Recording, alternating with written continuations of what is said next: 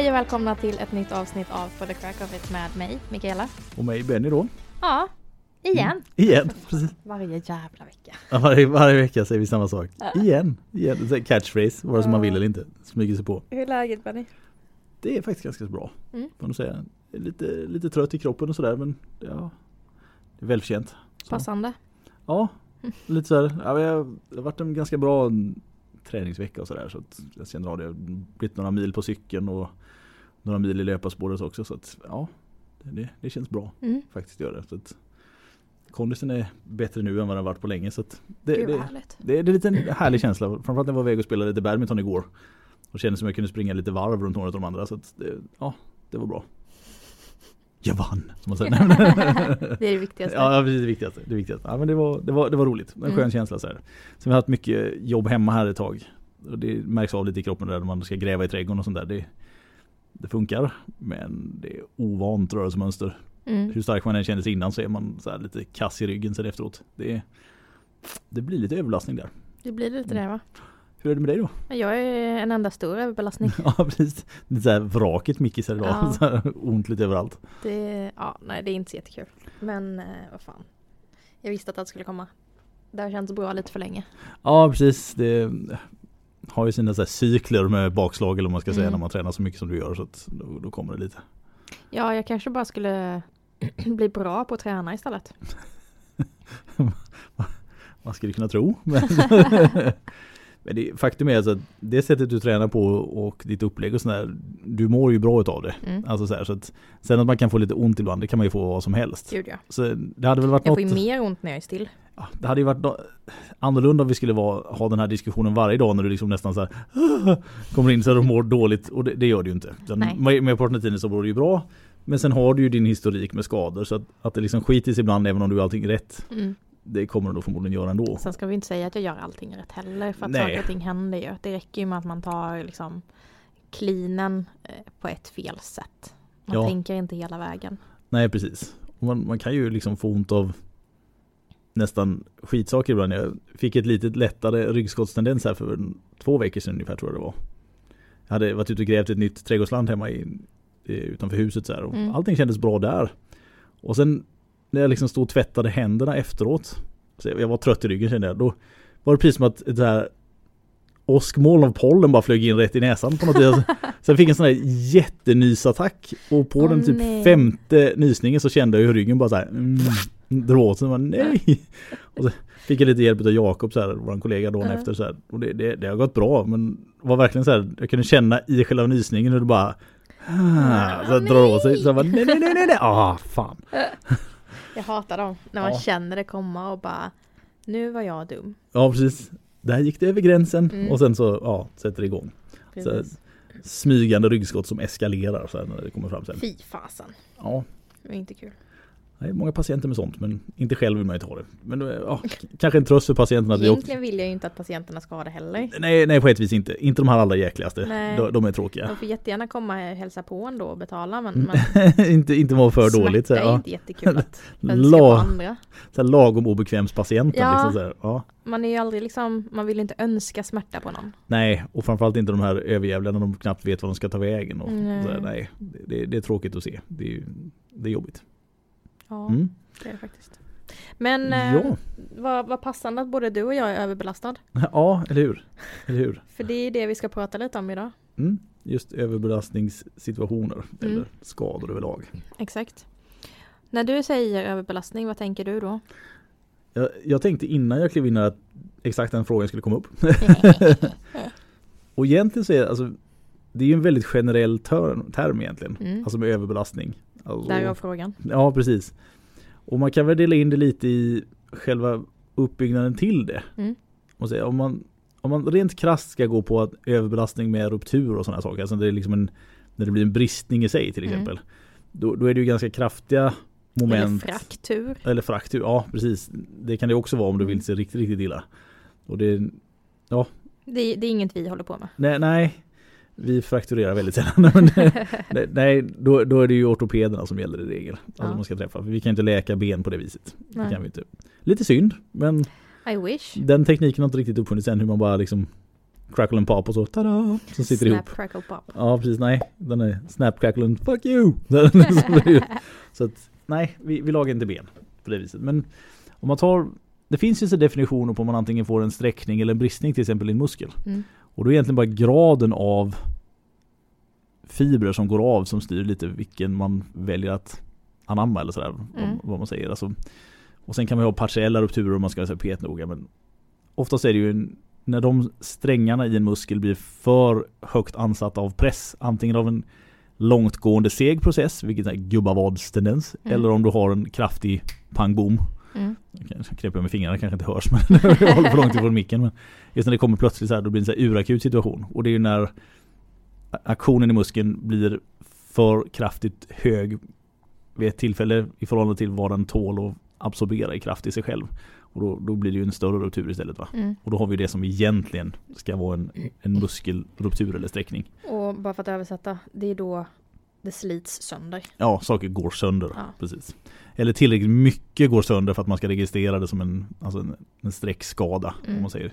Får du bara ett fiber i en muskel som blir lite uttöjt då, då klassar man Eh. inte riktigt det som en Du kommer inte känna det på det sättet. ändå. Nej, nej precis och du behöver inte läkningstiden på det utan det blir liksom kanske lite småsvullet och ömt. Mm. Så är det. Och det, det är väl där definitionen sitter lite. Alltså hur, hur pass jävligt man drar av det Mm. egentligen. Mm. Och sen, vi träffar ju ganska många. Men Ja. tänker du att det enbart är liksom strukturell skada? Eller nej, låt mig omformulera. Mm. Eh, tycker du att det enbart är när muskelfibrerna går av eller när någonting går av som klassas som eh, överbelastning? Jag tycker inte det. Nej. Och jag definierar det inte så utan jag ser det mer som ett litet spektra. Mm. När man tittar på alltså så här, så muskelsträckning light eller vad man nu ska säga som man kan få och sådär. Alltså, allting behöver inte vara en total ruptur för att man ska klassa det som en ruptur Mm. egentligen. Det, jag, tror att det finns mer gråzonsalternativ där som man kan använda sig av beroende på hur, hur illa det har blivit. Mm. Det tycker jag personligen i alla fall. Men när man kollar kanske definitionen på det lite från 1177 eller något sånt där, då brukar det vara att ja, har du en, en viss bevisad streckskada, ja, då ska det vara ruptur, annars så ska det vara sträckning istället, att de då är olika. Det är egentligen samma mekanik, det är bara hur mycket det ska vara. Ja. Men nu pratar vi ju sträckning och ruptur. Jag Mm. tänker rent över överbelastningsdefinitionen. Ja, alltså, bara, den är ju... Den För är för lite- mig är det två helt olika saker. Ja, det var det jag tänkte vi skulle prata om också, för det, är- det är ju både ja och nej. Mm. Är det, ju. det beror ju på hur man väljer att bedöma spektrat som jag pratade om Själv, innan. självklart, men, men det är kanske jag som inte förstår dig. Mm. då. Kan det vara så? För just nu så hör jag dig prata om överbelastning som en akut skada. Och det Ja. håller inte jag med om. Nej, men det, det är inte det jag vill säga heller, utan det, det är där det är det, alltså om man tar på det här spektrat då så längst, längst ut Mm. har man själva sträckningen i sig. Men sen så har du ju de här andra sakerna kanske som bygger upp till en sån situation. Mm. Som är mer överbelastning och irritation och, Mm. och sådana saker. Där, där det egentligen inte är Alltså det är inte tillräckligt mycket som är Om vi sätter in citationstecken trasigt då, utan det är bara mer irriterat och Mm. överbelastat. Mm. Så jag, jag brukar ofta se dem där lite som att de ligger på samma Att de är inom samma linje fast olika delar av linjen eller den här Mm. tidslinjen eller smärtlinjen eller Mm. så. Det, det är så jag brukar tänka på det i alla fall. Det, det kan jag köpa bättre. Mm. Men, men jag tycker nog inte att man ska klara, alltså säg att du, du halkar till, säg att du spelar fotboll Mm. eh, för första gången på 30 år. Eh, och du halkar till för att det är blött på planen och du sträcker ljumsken. För mig är det, in, är det inte en överbelastning. Nej, inte Det är en i- akut skada. Ja, ruptur. precis. Exakt. Eller bristning. Mm. Ehm, så att det är där jag hakar upp mig på din Ja, precis. Rant. jag, jag kan förstå det till viss del. För min, min tanke med hur jag la upp det här var att vi skulle komma in till att det finns situationer som kan föranleda det här som egentligen är mer överbelastningsbetonade. Mm. Alltså så här, det, just det scenariot som du beskriver där är ju liksom så här klassisk urakut. Så här, Mm. ja, dåligt uppvärmd, halkar och så papapom så Ja. smäller det till va? Och det är oftast det man, man hör när man pratar om sträckningar. Ja, ja, precis. Eller sådana saker. Exakt. Sen håller jag helt och hållet med dig om att en sträckning eller ruptur eller bristning eh, kan komma på grund av föranledda överbelastningsbesvär. Mm. Men då har du oftast, då är inte det en sån, Nej, precis. utan då, då har du ju oftast symptom och, och tecken tidigare Mm. som förvarnar. Ja, precis. Och, och de tycker jag är ju mer intressanta egentligen när man pratar om överbelastning. För att du kan, gå, du, du kan överbelasta tills du på riktigt får en spricka i skelettet för Mm. att du inte låter kroppen återhämta sig. Precis. Se på alla våra friidrottsstjärnor liksom. Ja, precis. Familjen Kallur där till exempel. Ja. underbensproblematiken och sånt. Exakt. Mm. Superenkelt att dra den kopplingen. Men det säger, de har ju fått varningen tidigare. Det Ja, kommer ju inte bara så. det, och det, det är väl det som är kanske det största bekymret att vi gärna tenderar att nonchalera saker när det inte är tillräckligt illa. Mm. Alltså så att man du har ont eller får en irritation någonstans och är den inte tillräckligt jävlig så ja, då får den vara. Mm. Man ändrar inte sitt beteende eller sin situation någonting utan man försöker liksom vänta ut och se det mer som att ja, men, det var en tillfällighet. Mm. Sådär. Och visst, det kan säkert finnas sådana tillfällen där det är tillfälligheter som Såklart. gör det också. Men det måste finnas ett slut på när man kan definiera det som en tillfällighet. Mm. Alltså när vi får in patienter hit ibland och de säger att ja, jag har gått och haft ont här nu i två år. Så det, det alltså, ja, det, Det kom från ingenstans. Ja, precis. Och sen så ja, börjar man gräva lite. Bara, eller hur? Du Ja. nämner ju att du har haft återkommande besvär i två år. ja. Ja men nu kom det. För det är nästan som att de definierar det som olika entiteter. Att om jag har haft en sån här seg sak på sig under två års tid och sen gick man förbi och då hoppar den här gubben på det liksom, alltså så, här, så att bristningen att som står och väntar på det runt hörnet bara ah! Och så som tar dig där men ja, Det är som att man såhär typ brevväxlar med en stalker. Och Ja. sen blir förvånad när han hoppar på dig. ja precis. Ja men ja. ja Eller? Men, ja jo, eller hur. Ja. Brevväxlar med en stak och så bara Är du här? Så, ja.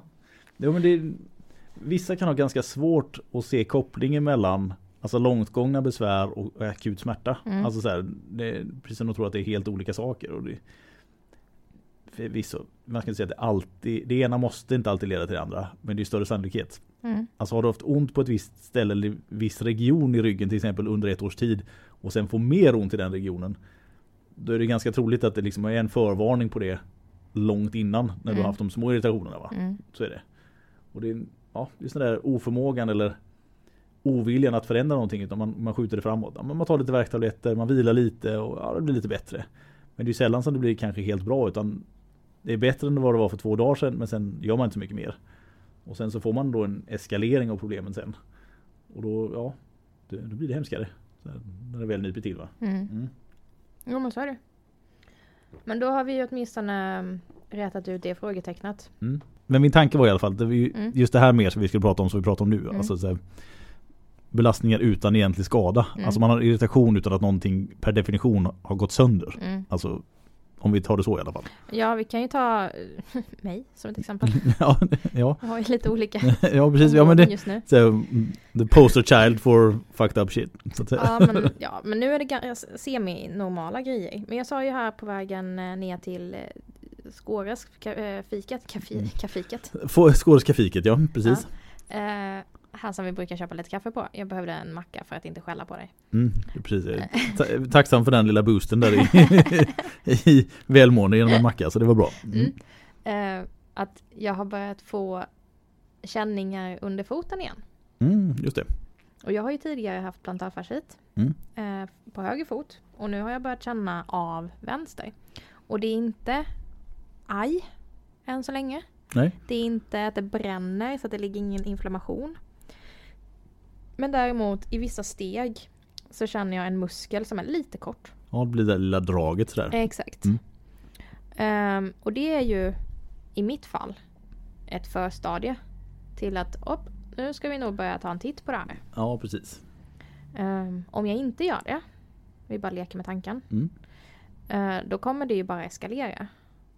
Och eskalerar det så hårt som det gjorde sist så kommer jag ju inte kunna gå eh, utan att halta. Nej, för att precis. min, min, min fot, mitt fotvalv kommer ju bara så här, ligga i kramp hela tiden. Ja, precis. Vad ilst och drar och så Ja. fästen som irriterar och Och så sådär. typ vakna av att det brinner till under foten. Ja, precis. Man får de här bränngrejerna lite då och då. Exakt.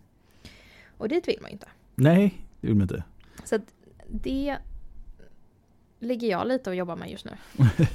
Ja, lite vi båda. Jag jag har ju också sådana tendenser till och från. Ja. Alltså så här, höga fotvalv och gärna drag. Jag får ju nästan alltid vänster fot först. Ja. Du har ju, det var lite komiskt när vi pratade om det förra gången. Att, ja, du har primärt oftast höger fot Mm. och jag har nästan alltid vänster. Nej, oftast oftast. Jag har bara haft det två gånger. Ja, när du hade det i alla fall. Mm. Sist hade jag det på höger. Nu Mm. har jag det på vänster.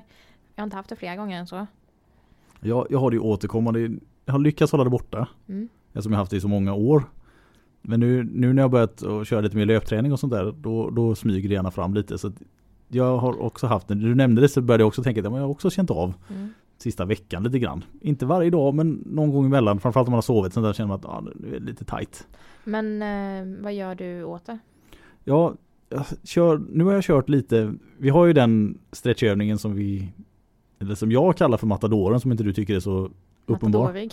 Ja, den är inte så matadorig. Men jag har kört en variant på den när jag sitter på golvet istället för jag har märkt det tidigare att när någonting inte är till, alltså för illa så kan jag liksom sträcka ut lite på fotons undersida. Så jag sitter i någonting som liknar lite grann Seisa position. Alltså att man sitter på knä. Fast med tårna i, i golvet då så Aha, jobbar jag liksom så här fram och tillbaka. Och då kan jag jobba dels med bara fullt tryck på och jag kan ändra lite vinkel och sen så kan Mm. jag gå upp lite. Så det jobbar jag lite fram och tillbaka med. Och det har jag gjort nu under de senaste två veckorna lite grann.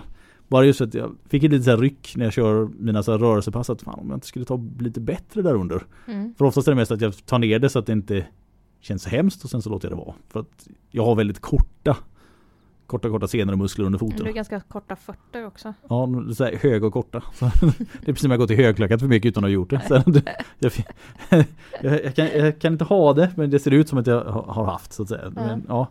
Så det, det kan straffa mig lite ibland. Framförallt om jag springer på mycket platta underlag. Men jag fick ju jättegod hjälp av stötvåg. Ja, jag har faktiskt aldrig testat stötvåg. För att jag tänker att det är ju dumt av dig att gå och bara så här hålla det i schack om det kan bli bättre. Ja, jag har inte känt mitt i högerfoten sen jag fick sista stötvågsbehandlingen. Mm. Jag har blivit lite nojig ibland när man tar en, en tight kurva och skjuter ifrån. Eh, du vet så här, vissa lägen så kan det ibland kännas i vissa muskler. Och då har jag haft så här typ en liten kort brännande känsla under foten. Men det har inte varit någonting, det är bara i det steget. Mm. Så steg två, ingenting. Nej, just det. Så jag tror snarare att det handlar om att så här, man så här, ändrar riktning. ja, ja, precis. Ja, men, Eh, för jag, jag är ju fullt funktionell. Jag kan hoppa och studsa. Jag hoppar hopprep och double unders och allt det där utan konstigheter nu. mm. För det, är- det är ju bra faktiskt. Det är ju det, ganska mycket uppe och, och liksom jobba Mm. med fotvalvet. för jag, jag, jag har för mig att för många, många år sedan jag hade stora problem med det här så testade jag lite akupressur. Alltså man gick in och tryckte. Mm. Och jag tror att den kvinnan som gjorde det, hon gjorde för hårt för att jag fick så fruktansvärt ont efteråt. Så Mm. att jag, jag var sju resor värre ett par veckor efter det där Mm. än innan. Mm. Och jag tror att det finns en liten rädsla för mig att om jag låter någon annan vara på och jobba med det för mycket att det ska bli likadant. Ja, du menar att du har kontrollbehov? Ja, en gnutta så ja. Sjukt. Aldrig märkt. Nej. Första gången du hör det, det märks inte Wow. alls på, på någonting som är här med, med mig att göra. Herregud. Ja, precis. Det är bara så lättvindigt vind för våg hela tiden men du har aldrig något kontrollbehov. Nej. Låter lite dumt när jag säger det. Men i alla fall så det, ja, det kanske skulle ta och boka in lite stötvåg faktiskt. Det låter ju inte så dumt nu när du säger det. Jag förstår inte varför du inte har gjort det innan. Nej, men det är nog som sagt Kontrollbehovet. ingen är bättre än jag. Så, här, så jag vågar inte Alltså, någon. lista. Det tror jag inte. Ja, vilken diss. Det var. Den kallas telefonboken. Liksom så, Everybody's better than you. Så här, hård diss. Liksom. Ett nummer. Så, titta, ja, bättre än dig. Diss, diss, diss.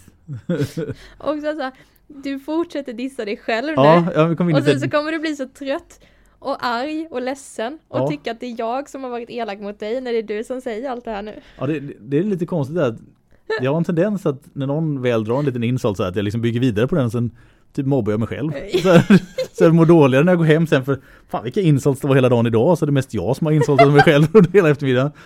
Men det är ju Ja. så. Och sen kommer du så här bara, nej du, du har varit för elak mot mig och jag bara, va? Hur? Va? Du sa det här?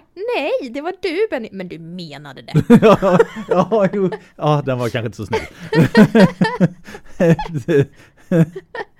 Du tänkte det, jag såg det på dig så bara Illa. Så, ja, Ja, nej nu tappade vi lite Ja, överlastning ja. men det är ju en sån solklar, eh, solklart exempel att så här, ja Mm. okej, skit i det, du kommer få sota för det.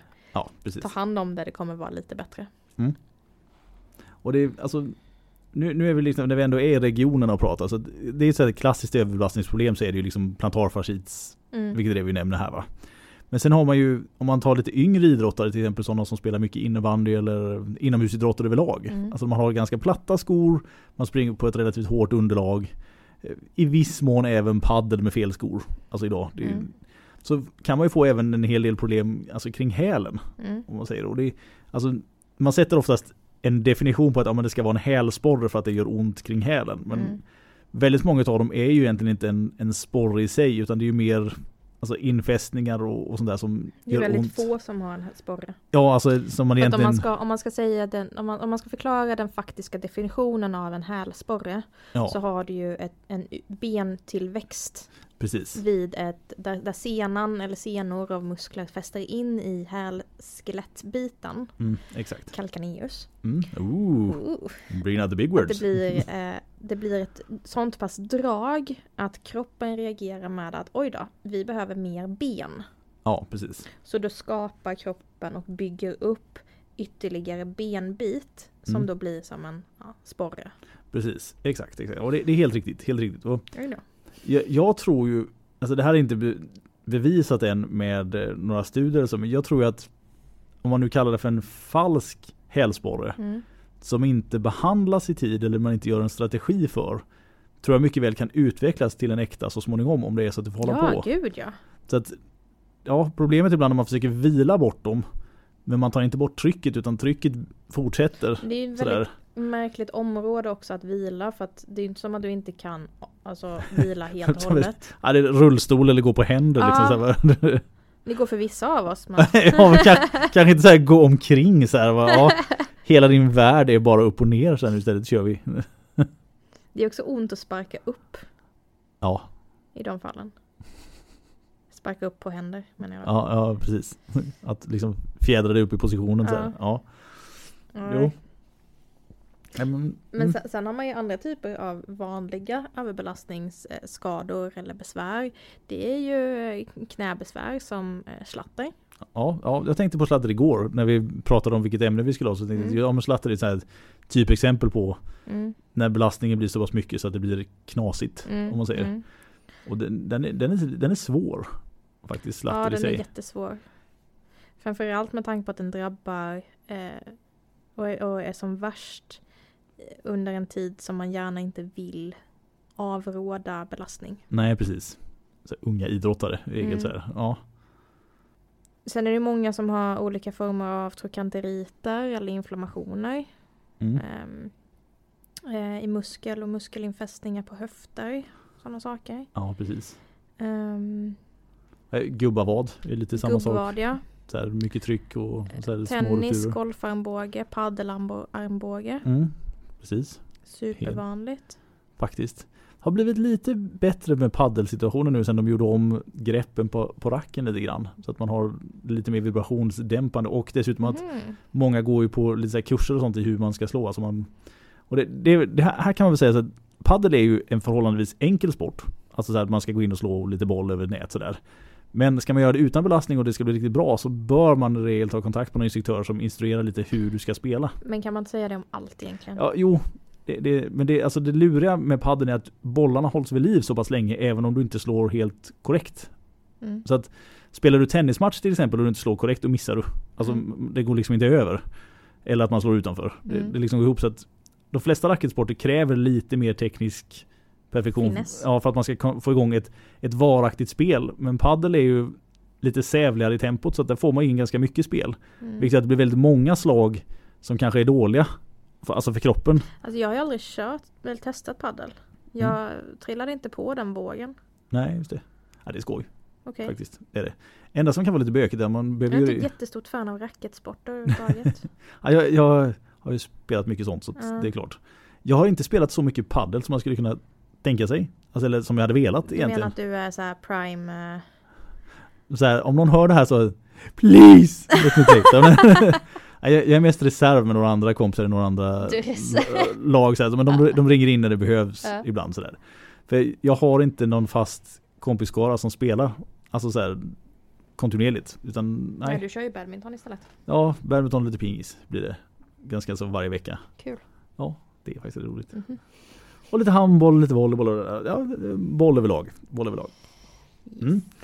Men det är ja, just belastningar i sig i samband med padel och sånt där är lite vanligare än vad det kanske är en del andra racketsporter just för att man, man får fler slag. Mm. Då blir det fler, ju fler gånger du träffar ju mer kraft går det ner i den punkten som du inte vill. Och så blir det då irriterat till slut va. Mm. Och i synnerhet om du inte får med dig höften i slaget utan du liksom, du rappar med underarmen. Mm. För det, det är ju inga strängar eller så heller utan det är ju liksom det platt rack bara. Mm. Så att den kraften som alstras den sticker ju någonstans och blir oftast då in i fästen i din underarm. Mm. Eller framsida axel lite beroende på hur sluggigt du spelar så att säga. Sluggigt. Ja precis. Det finns ju även så här många som smashar lite med lite dåligt fotarbete då blir det liksom framsida axel istället. Mm. Mm. Men det Nu fick jag en uh, snarkkurs i paddel också. Love you too. Snällt. Ja men ja. Men det är, det är ju det är ganska vanligt bekymmer även om man inte tar, nu har vi pratat mycket om idrottsaspekten. Mm. Men det finns ju även, alltså tekniskt sett om man tar bara sån här spänningshuvudvärk och sådana saker också. Det är också egentligen en överbelastningsproblematik. Mm. Fast den, den kommer på ett mycket mer smygande sätt. Mycket av eh, de ryggskotten vi stöter på idag är ju också överbelastningsorsakat. Av Mm. Faktiskt. olika anledningar. Helt klart. Och det, de här, det som vi förr brukade kalla för så här He-Man ryggskott när man bara liksom, ja jag ska bara ta de här två tvättmaskinerna och gå iväg. Alltså Mm. folk har mycket mer respekt Jag har för inte dem. Nej, alltså folk har mycket mer respekt för att men det, här ska vi vara försiktiga eller man ska använda hjälpmedel och Mm. sånt där. Men just det där när man går och samlar på sig då med, med stelheter och lite överbelastningar och lite bristande rutiner. Och sen till slut så är det någon liten skitrörelse som gör att man åker dit. Mm. I alla fall för att man har byggt upp det så pass högt. Va? Det, Mm. det är mycket, mycket vanligare idag. Mm. Helt klart. En och annan sån här superurakutis kommer ju men annars är det ju det att ja, det Ja smyger sig på. de superurakutisarna är ju inte heller någonting som, som jag upplever att man kan backtracka till ett, ett knasigt marklyft. Nej, inte riktigt så nej. Utan det är ju mer att så här, jag vet inte vad som hände, jag var bra och nu är jag inte det.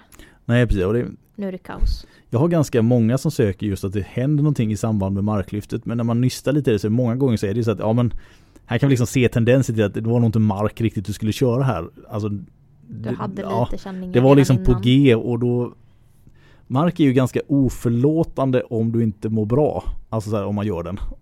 Nej det tycker jag Så här, Mark är Mark forever. Så här, alltså, det- eftersom det blir ett vridmoment i, i rörelsen man gör. Så att om inte ryggen funkar korrekt så är det lätt att man, man får irritationer. Inte för att Hur övningen är fel. Vad sa du? Hur markar du? Du ska inte vrida. Nej. Stången ska ju bara upp. Alltså översimplifiering men visst. Så. Jag ska upp! Det, det.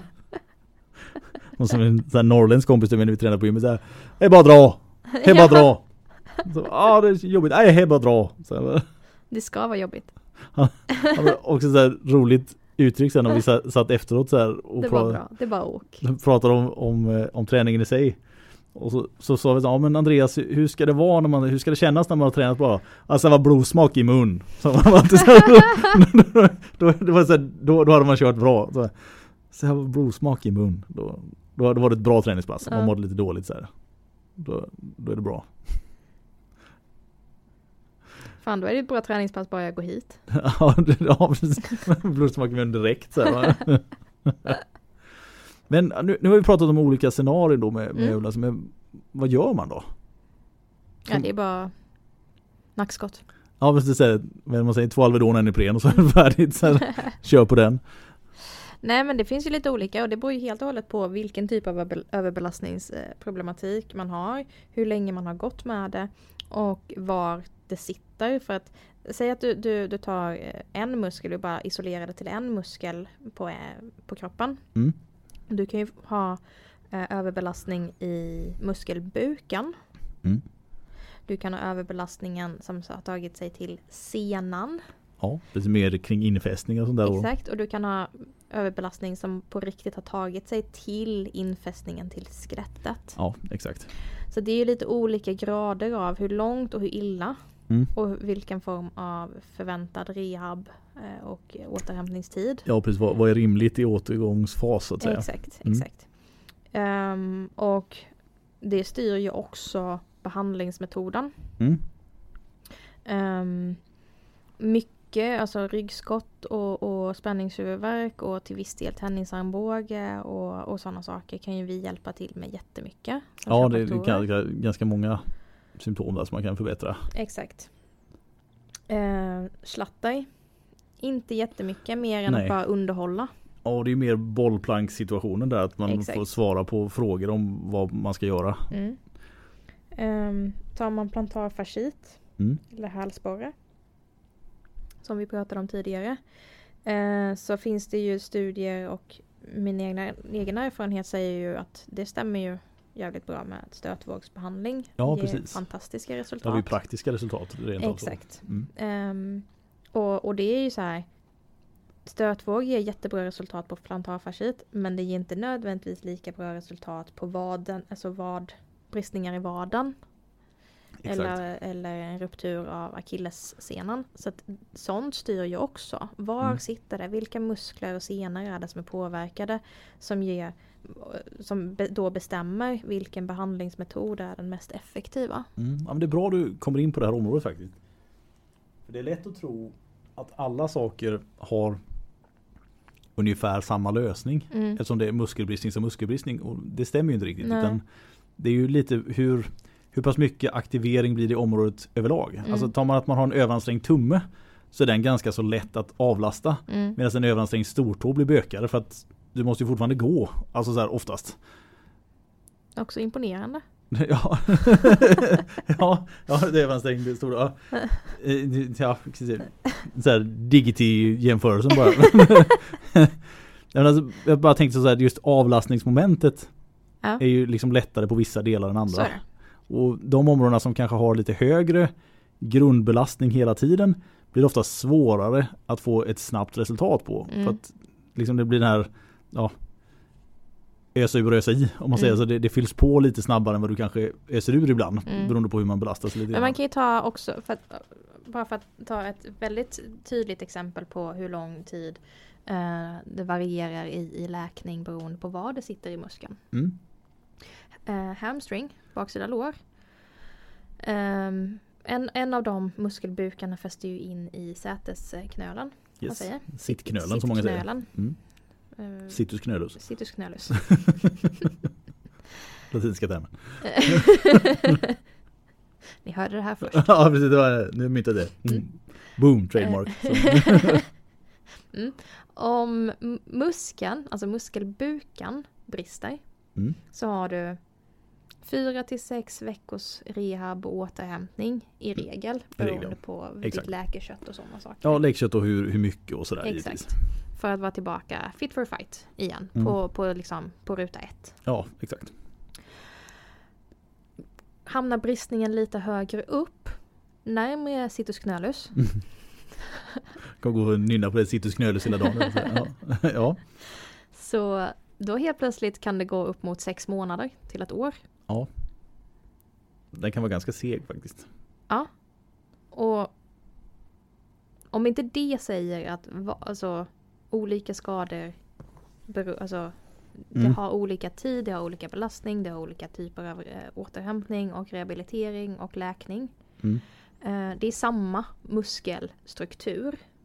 Precis. Det är exakt samma länga. Det är bara olika platser på den. Mm. Exakt. Mm. Ja men det, det stämmer mycket bra. Det stämmer mycket bra. Så det, det, är det så här för att, för att komma tillbaka till eh, din, din kommentar, fråga. Mm. Tillvägagångssättet beror helt och hållet på vad vi har framför oss. Mm. Vissa saker som patienter kan komma hit till oss och ställa frågor och vilja, ja men det kan vi hjälpa med. Inga konstigheter, jag lägger upp ett rehabprogram, jag behandlar dig, jag knakar och brakar, jag masserar lite, triggar, triggar lite. Mm. Alla de där sakerna man får fantastiska resultat. Andra gånger, exempelvis eh, slatter, då är jag bara stödperson. Ja, det blir lite så. Det är lite muskelarbete man kanske gör ibland. Alltså man, kan, på- man kan gå igenom låret och, och knåda igenom det men själva slatt, slatterproblematiken kommer inte Nej det är inte så att man bara kan plocka fram den stora kaveln och så trycka tillbaka. Liksom, Eh, nej. Det är ju minimera pålagringarna så mycket som möjligt egentligen. Ja, och, och att så här, ge tips och råd i hur man kommer runt det. Ja, jag har haft några gånger när man sitter och har lite så här tejpkurs. Alltså Mm. visa hur man ska tejpa och hur man ska sätta. För in, många sätter ju bara liksom som en tejpbit runt själva slatterknölen och så rakt av. Men det kan vara bra att försöka avlasta lite draget från låret sånt där också så man visar lite hur man sätter tejpningarna lite tvärs över Mm. samtidigt. Så att man får att tejpen tar en viss procent utav draget så man ja, kan liksom använda lite kinesiotejp sånt där också. Mm. Bara som alternativ i alla fall. Mm. Istället för bara liksom sätta en vit remsa runt själva knölen och hoppas på det bästa. Ja, men det handlar ju väl mer, så för, för de som inte hänger med på vad slatter är så är det ju ett drag av patellasenan, alltså eh, framsida lår som Ja. går in i över knölen och fäster in på undersida ben, eller Mm. framsida underben. Mm. Som då under en viss åldersperiod och vid belastning kan skapa ett drag eh, över tillväxtzonen, alltså där, där skelettet växer. Ja. Så att du får som en utveck- utåtbuktande benknöl. Där ja, också. alltså det blir väldigt vasst knä. Exakt. Och det kan skapa irritation för att det är ett konstant drag. Mm. Det kan skapa inflammation och det blir väldigt oskönt att framförallt sitta på knä. Ja, ja, men det är ju som att sitta på vassa stenar. Ja. Och så här, ja. Och då blir det ju också ett drag varje gång du belastar kroppen, typ springer, går, Mm. hoppar. eh, Så får du ju, och är du ju där och retar inflammationen. Så det kan vara väldigt smärtsamt av den anledningen. Mm, just det. Många av dem jag ser som tejpar den här vita tejpen som du pratar om, Mm. sporttejp, eh, tejpar fel. Ja, Och det är där det stora problemet jag tycker kommer in. Kinesiotejp kan man tejpa med men jag tycker inte det gör så pass stor skillnad. Den stor, för mig så är det viktigare att visa hur man ska tejpa eh, med sporttejpen. Mm. Och då är ju, bara för att vi ändå pratar om det, så vill man ju inte tejpa, man vill inte vara i närheten av smärtan. Utan nej. Tekniken eller tanken är ju att vi ska, vi ska lägga all tejp och göra ett drag, ett, press över senan. Alltså precis under knäskålen men över själva den smärtande knä, knölen. För att vi Precis. vill skapa ett slack i patellasenan så att den Ja. inte ligger och drar i Man- det man vill inflamma- försöka att- inflammerade området. Ja, man vill ju försöka att spänningen som nu sitter kring då själva fästet egentligen ska hamna till en viss procent under själva tejpen istället. Exakt. Att liksom tar bort den. Och det, är- Mm. det är ju samma sak om man sätter tejpning för alltså, tennisarmbåge och sådana saker också. Att man Mm. vill försöka flytta belastningscentrum från den lilla irriterade ytan till alltså själva tejpytan istället. Mm. Och, och därigenom då avlasta på lång sikt också. Exakt. Men det är många sätter ju som du säger bara tvärs över istället. Mm. Så att ja, och nästan framhäver. man. Ja, så, jag fattar inte varför det hjälper. För att det är inget plåster. Nej, alltså ja, nej. Man kan vara lite frågan ibland när man ser vissa så här när de har satt lite så här tejpningar och man bara ah, okej. Eller när de tejpar så här bionic leg. Groin to feet liksom så här, hela vägen. Kommer springa sig Kapten Träben kommer och springer för det finns ingen rörelse Ja, kvar. det är lite Forrest Gump-varning. Ja, jo faktiskt. faktiskt. Det, det händer. Och så där konstigheter. Det måste ju finnas en Det ska egentligen finnas en, en funktionell tanke bakom när man tejpar. Alltså vad det är man ska göra. Inte bara att det ska vara tejp där. Nej. Alltså jag kan ju dra tejp runt min handled här. Bara rakt av för att ja men då blir det mer som att ja men du har satt ett armband på dig själv. Du har ingen så direkt fysisk effekt med att ja, men där, där sitter den. Men man ska säga det. det yeah. ja, du, du vet. Så. Det är svårt att ha den här. Ja. Det- Men just, man vill ju sätta efter ett, om du kallar det för ett avlastningsmönster. Mm. Det är det man vill hålla. Alltså sen oavsett vilken teknik man använder eller hur mycket remsor och sånt man gör. Spelar inte så stor roll så länge man sätter det så att belastningen kommer ifrån det området du hade tänkt dig. Mm. För om du istället accentuerar belastningen så att det liksom, ja, så att ytan blir ännu mindre det drar på. Då, då blir det inte så mycket bättre. Det snarare- är ju hemskt. Ja, det blir snarare tvärtom istället för att få ännu mer bekymmer. Ja. Liksom laga på va. Och om du nu har byggt ut en liten bit där. Det är inte så att det försvinner sen heller. Utan det, har du byggt ut så har du byggt ut. Nej, alltså skelett är ju skelett. Ja precis, så det gäller ju att stävja det här så att det inte går för långt. Mm. För många gånger, många gånger så får man ju en period efter tonåren sen när det där försvinner sen. Om man säger själva uppluckringstendensen och sånt försvinner. Mm. Men har du då redan fått de här knölarna, då är de ju där. Mm. Då är det ju alltid svårt att sitta på knä sen. Mm. Alltså det går liksom inte riktigt. Nej. Så ja, nej det bästa är att försöka hålla det borta. Så det blir en del avlastningssituationer Mm. som, som rekommendation faktiskt just för den typen av problem. Tycker det är så tråkigt. Jag Ja. vill inte ge det. Nej jag vet men det är Sen är det så att man kan bli lite frustrerad ibland för man kan ju se att ja men det här hade man kanske kunnat förebygga Mm. lite lättare. Men om man hade gjort de här de här sakerna så hade det hållit nere trycket alltså i tidigt skede. Kanske det aldrig behövt bli så här superakut som det är idag. Men nu då står man där Mm. i det akuta läget och då, ja. Det är alltid lätt att tänka att ja, men jag borde ha gjort så här, men om man inte gjort det då måste man göra så här nu istället. Alltså, för är det för illa så måste du avlasta. Mm. Så du måste liksom vila. Det, Mm. det går inte annars. Och det, det är jättetråkigt att behöva ge med sig i sådana lägen. Jag, jag gillar inte heller förespråka att man inte ska göra någonting alls men ja, är det för illa så är det till, ibland så att nej men nu får du liksom får ta ett halvår här och bara kanske träna de här sakerna istället för det andra för det, det här går inte. Bara biceps. Ja, ja. Pure fucking biceps. When in doubt. Liksom bara, Gorilla crunch liksom. Det är det man behöver. Jag tror jag svarade på din fråga. Ja. ja jag tror du svarat bra också. Eller det känns som det i alla fall. Du tror att jag svarat bra? Jag, jag, jag, tror, att, jag tror att du har svarat bra. Så, Ah, okej. så, ja, så det, det är nog helt okej. faktiskt, det tror jag. Jag tror jag var tydlig. Mm. Har du känt dig tydlig? Det är sällan jag gör men Sällan du är. det är sällan jag är tydlig. Så här, ja, en tendens att gråta in med detaljer och sådär. Men ja, jag tror att vi har varit förhållandevis tydliga i alla fall. Ja, Vad ska man ta med sig för kontenta av det vi har pratat om nu då? jag vet inte. Överbelastning.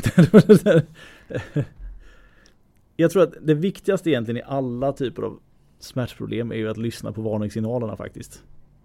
Det är Mm. det man ska ha med sig. För det är väldigt sällan som man inte har några varningstecken alls när någonting går sönder. Så länge det inte är någon alltså, smäll som händer. Mm. Alltså, säg att man är på fotbollsplanen och precis som du sa innan det där med halkan. Eller att man sparkar ihop till exempel. Mm. Det, Men de, de urakuta grejerna. Precis. Och det, Det, det kommer vi ju aldrig ru- runt. Nej, och där är istället, alltså de urakuta sakerna som, som kommer av att man antingen start, start och stopp själv och sånt, alltså att du vrider sönder dig själv till exempel. Mm. De går alltid att förebygga. Alltså med, alltså med rätt rehabiliteringsträning eller prehabträning innan så hade det gått. Men om någon annan sparkar till det så någonting går sönder, det, där, liksom, det kvittar nästan hur mycket du har gjort i rehabväg så där, där går det liksom inte då. Men just den där, ja, man fastnar i gräset och bara dupp och så Äh. vrider av något. Sluta. Som var dåligt här bredvid. och på den noten så avslutar vi dagens podd. Ja, det Mikaela måste gå ut och Ja. grimasera lite här. Ulka runt hörnet så här för att det ska kännas bra. Ja, det kryper lite så här över triceps. Ja. Mm, all right. Men, eh, ja, nej vi har inte så mycket mer att säga. Nej jag tror att vi har, vi har täckt in ganska bra Ja, tycker jag. Så att bra. det räcker. Vi finns ju på eh, sociala medier. Häng med. Häng med oss där. Växjö kiropraktorklinik. Jag finns på uh, Kiropraktor Mickis. Och jag på Kirobempa då. Yeah. Ehm, häng jättegärna med oss. Vi kommer ju sända några avsnitt till här eh, i, innan sommaruppehållet. Ja, det blir ett eller två. Mm. Vi har inte riktigt bestämt det. Nej, nej, nej precis. Det hänger på, alltså det kommer bli minst ett i alla fall. Ja. Och sen hänger det väl lite på hur sista veckorna, för det, det är mycket, det är skolavslutningar och Mm. allt möjligt sånt som börjar dra det är ihop sig. mycket konstigt. Så att ja, vi får se. Eh, Och ehm, ah, för er som bo, lyssnar och bor i Växjö så kommer vi ju ha det öppet här på kliniken eh, Mm. hela sommaren. Kanske inte varje dag men Nej. Hela sommaren kommer det finnas några tider lediga. Vi försöker ju i den mån vi kan se till så att det alltid är någon i tjänst varje vecka. Sen Mm. kanske det inte är varje dag varje vecka Mm. men i alla fall varje vecka så Mm. att man ska kunna boka. Så det ser vi som en bra tjänst. Att får man lite problem under sommaren så finns det tider. Mm. Men vi är inte fullt manskap och det är ganska många som brukar få problem så att det finns en risk att det inte är så jättemycket tider. Så, Så man, har man en semesterresa man ska iväg på och man har lite ont Passa kom, på nu. ja, kom ganska snart i, i så fall. Inte vänta till veckan innan för då, då är det inte säkert det går. Och jag kan ju inte tala om andra städer men jag kan gissa att detsamma gäller där. Jag tror det faktiskt. För alla måste ha semester någon gång. Ja. Så är det ju. Och här, här i stan är det ju Dels har vi ju en hel del kollegor som har börjat gå lite i pension och vi har inte fått in några nya. Så att vi är lite färre mot vad vi var för tre, fyra år sedan. Mm. Men ja, de som är kvar behöver vara lediga de också så semester blir det. Så är det. Och on that note så eh, hörs vi nästa vecka. Det gör vi. Ha det gött. Tja då! Hej!